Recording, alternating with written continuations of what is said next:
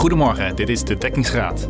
Het tweewekelijkse nieuwsoverzicht van Pensioen Pro. Het is woensdag 25 januari en ik ben Tjibbe Hoekstra. Met vandaag.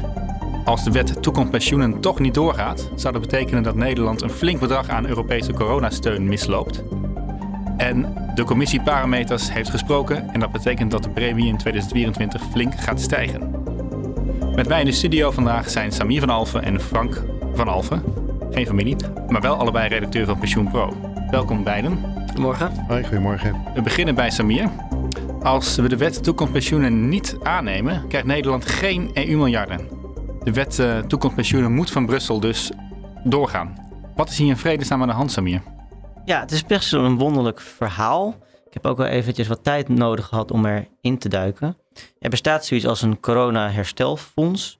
Dat is opgericht om ja, landen na de coronacrisis economisch te steunen. Nederland kan daar ook aanspraak op maken. En Nederland heeft eigenlijk zelf die koppeling gemaakt met de wet toekomst pensioenen. Als je daar aanspraak op wil maken, dan moet je een aantal hervormingen doorvoeren als land. Nederland is notabene een van de landen die zelf dat op tafel legde van ja, als wij geld uit gaan delen, dan moeten er ook hervormingen tegenover staan. Nou ja, en Nederland heeft eigenlijk gezegd, onze hervormingen, dat zijn er 21 in totaal. En één daarvan is dus de wet toekomstpensioenen. Dus wij gaan ons pensioenstelsel hervormen. Uh, zou Nederland dit nu expres gedaan hebben, denk je, als een soort van extra stok achter de deur? De Europese Commissie heeft in 2019 al gezegd tegen Nederland: doe wat aan je pensioenstelsel.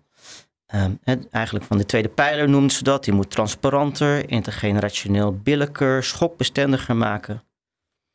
Ja, en Nederland zegt eigenlijk: ja, met die nieuwe wet toekomstpensioenen voldoen we eigenlijk aan die aanbeveling van de Europese Commissie. En we konden eigenlijk ook niet anders, want we moesten aansluiten bij die aanbevelingen. En de Europese Commissie, de, de vertegenwoordiging in Nederland heb ik gesproken. En die zeggen ook van ja, het is heel slim van Nederland geweest om juist de wet toekomstpensioenen te kiezen als hervormingsplan. Want wij kijken inderdaad heel scherp of die aansluiten bij onze aanbevelingen. Dus ja, uh, hoe dichter Nederland bij die aanbevelingen komt, des te eerder geven wij een positief oordeel. Dus de Europese Commissie noemt het zeer verstandig dat Nederland uh, de wet mm -hmm. pensioen heeft uitgekozen. Dus je, je denkt niet dat dit een soort van extra om zeg maar, twijfelaars over de steek te trekken van uh, het moet van Brussel. En als je nou niet akkoord gaat, als je niet tekent, dan, uh, dan ben jij er verantwoordelijk voor dat we geen geld krijgen. Nou ja, kijk, ik weet natuurlijk niet helemaal precies ook hoe het in Nederland gegaan is. Kijk, er is natuurlijk hevig gedebatteerd in Nederland, ook in de Tweede Kamer. Ik heb minister Schouten niet horen zeggen, als de wet toekomstpensioenen niet doorgaat, krijgen we geen geld uit Brussel. Misschien had ze dat achteraf of op het laatste moment nog uit de hoog goed getoverd. Als het echt niet doorging. Maar, maar ik ja, denk niet dat iemand daardoor overtuigd zou zijn opeens. Ik denk het ook niet. Maar dus, dus ik heb niet het idee dat Nederland ja, dit nou een soort van expres uh, heeft gedaan. Het ministerie heeft zelf gezegd van ja, uh, eigenlijk is het al van verschillende regeringen in Nederland een wens geweest om het pensioenstelsel te, te hervormen. Dus het komt niet alleen maar door uh, Brussel. Um, ja, Brussel zegt ook van, um, ja, Nederland heeft zelf die pensioenwet in die plannen gezet. Dus zij trekken ook een beetje hun handen vanaf, het hoeft er niet van ons. Hè. We doen ook andere aanbevelingen in Nederland, zoals hervorming van de huizenmarkt, lees, afschaffing van hypotheekrenteaftrek. Daar doet Nederland ook al jaren niets mee. Dus het is echt niet zo dat Nederland altijd maar die aanbevelingen uh, opvolgt. Gaan we nu naar Frank voor ons tweede onderwerp. Pensioenfondsen moeten volgens uh, Sprenkels en Verschuren, de consultant, volgend jaar de premies verhogen. Ja, uh, ze dreigen de premies volgend jaar op met een uh, 11% te moeten verhogen. De belangrijkste reden is dat uh, in alle sommetjes die ze maken, moeten ze het aandelenrendement gebruiken. We hebben vorig jaar de commissie parameters gehad. Die hebben een lager rendement uh, voor de komende tijd uh, ingesteld. Waar ze mee moeten rekenen. Nou, als je een lager rendement in een rekensommetje stopt.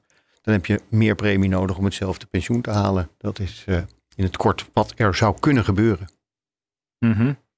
um, maar dat rendement is fictief. Um, ja, gaat de premie dan echt omhoog? Of is dat alleen maar iets dat misschien dreigt te gebeuren? Zijn er ook nog geitenpaadjes om, uh, om eruit te komen? Nou, de, de, dat rendement gaat uh, omlaag van uh, 5,8 naar 5,4. Dus niet heel erg, maar wel. Dat vindt iedereen die in die pensioensector rondloopt, vinden ze dat wel een terechte verlaging. Dus daar zit het hem niet in. Maar je rekent niet alleen met het rendement met die, in die sommen voor de premie, maar je rekent ook met rente. En het vreemde is een beetje dat we nu zitten met een vervroegde commissie parameters. Het is ingesteld omdat we het nieuwe pensioenstelsel krijgen. Dus opeens kwam er een nieuw lager rendement voor aandelen in. Terwijl pensioenfondsen aan de andere kant nog met een rente werken uit 2020 en die is laag. Dus als je die rente op een of andere manier, en dat kan via de politiek, maar dat kan ook via DNB, als ze nu zouden kunnen werken met een hogere rente, dus de huidige rente, dan vervalt dat hele, die verhoging. Dus het lijkt mij niet uh, heel vreemd als dat uh, gaat gebeuren. Maar die rente is natuurlijk veel hoger nu. Krijgen we dan misschien een premieverlaging in plaats van een stijging? Ja, dat ligt er een beetje aan hoe je fonds in elkaar zit. En, en, en eigenlijk, er zijn heel veel variabelen in zo'n uh, berekening. Dus dat zal niet direct tot een, tot een verlaging leiden. Maar nou ja, als je over premies hebt, dan inderdaad, kan, het, het is wel positief voor een pensioenfonds. Ja, maar dit is dus de premie voor 2024 waar we het over hebben. Wat gebeurt er dit jaar eigenlijk? Ja, we zijn nu samen met FD een uh, inventarisatie aan het maken van alle premies en opbouwpercentages. Nou ja, zoals verwacht uh, blijven die premies ongeveer gelijk liggen. En, maar er is wel een groot aantal fondsen dat uh, opbouwpercentage een beetje omhoog haalt. En dat heeft weer te maken met die hogere rente waarmee ze mogen rekenen dit, uh, dit jaar. Mm -hmm. Oké, dankjewel Frank. En jij ook Samir. Dit was de dekkingsgraad van Pensioen Pro. Met de laatste ontwikkelingen in de Nederlandse pensioen- en beleggingssector. Op pensioenpro.nl leest u meer. Fijn dat u luisterde. We wensen u een prettige dag en tot over twee weken.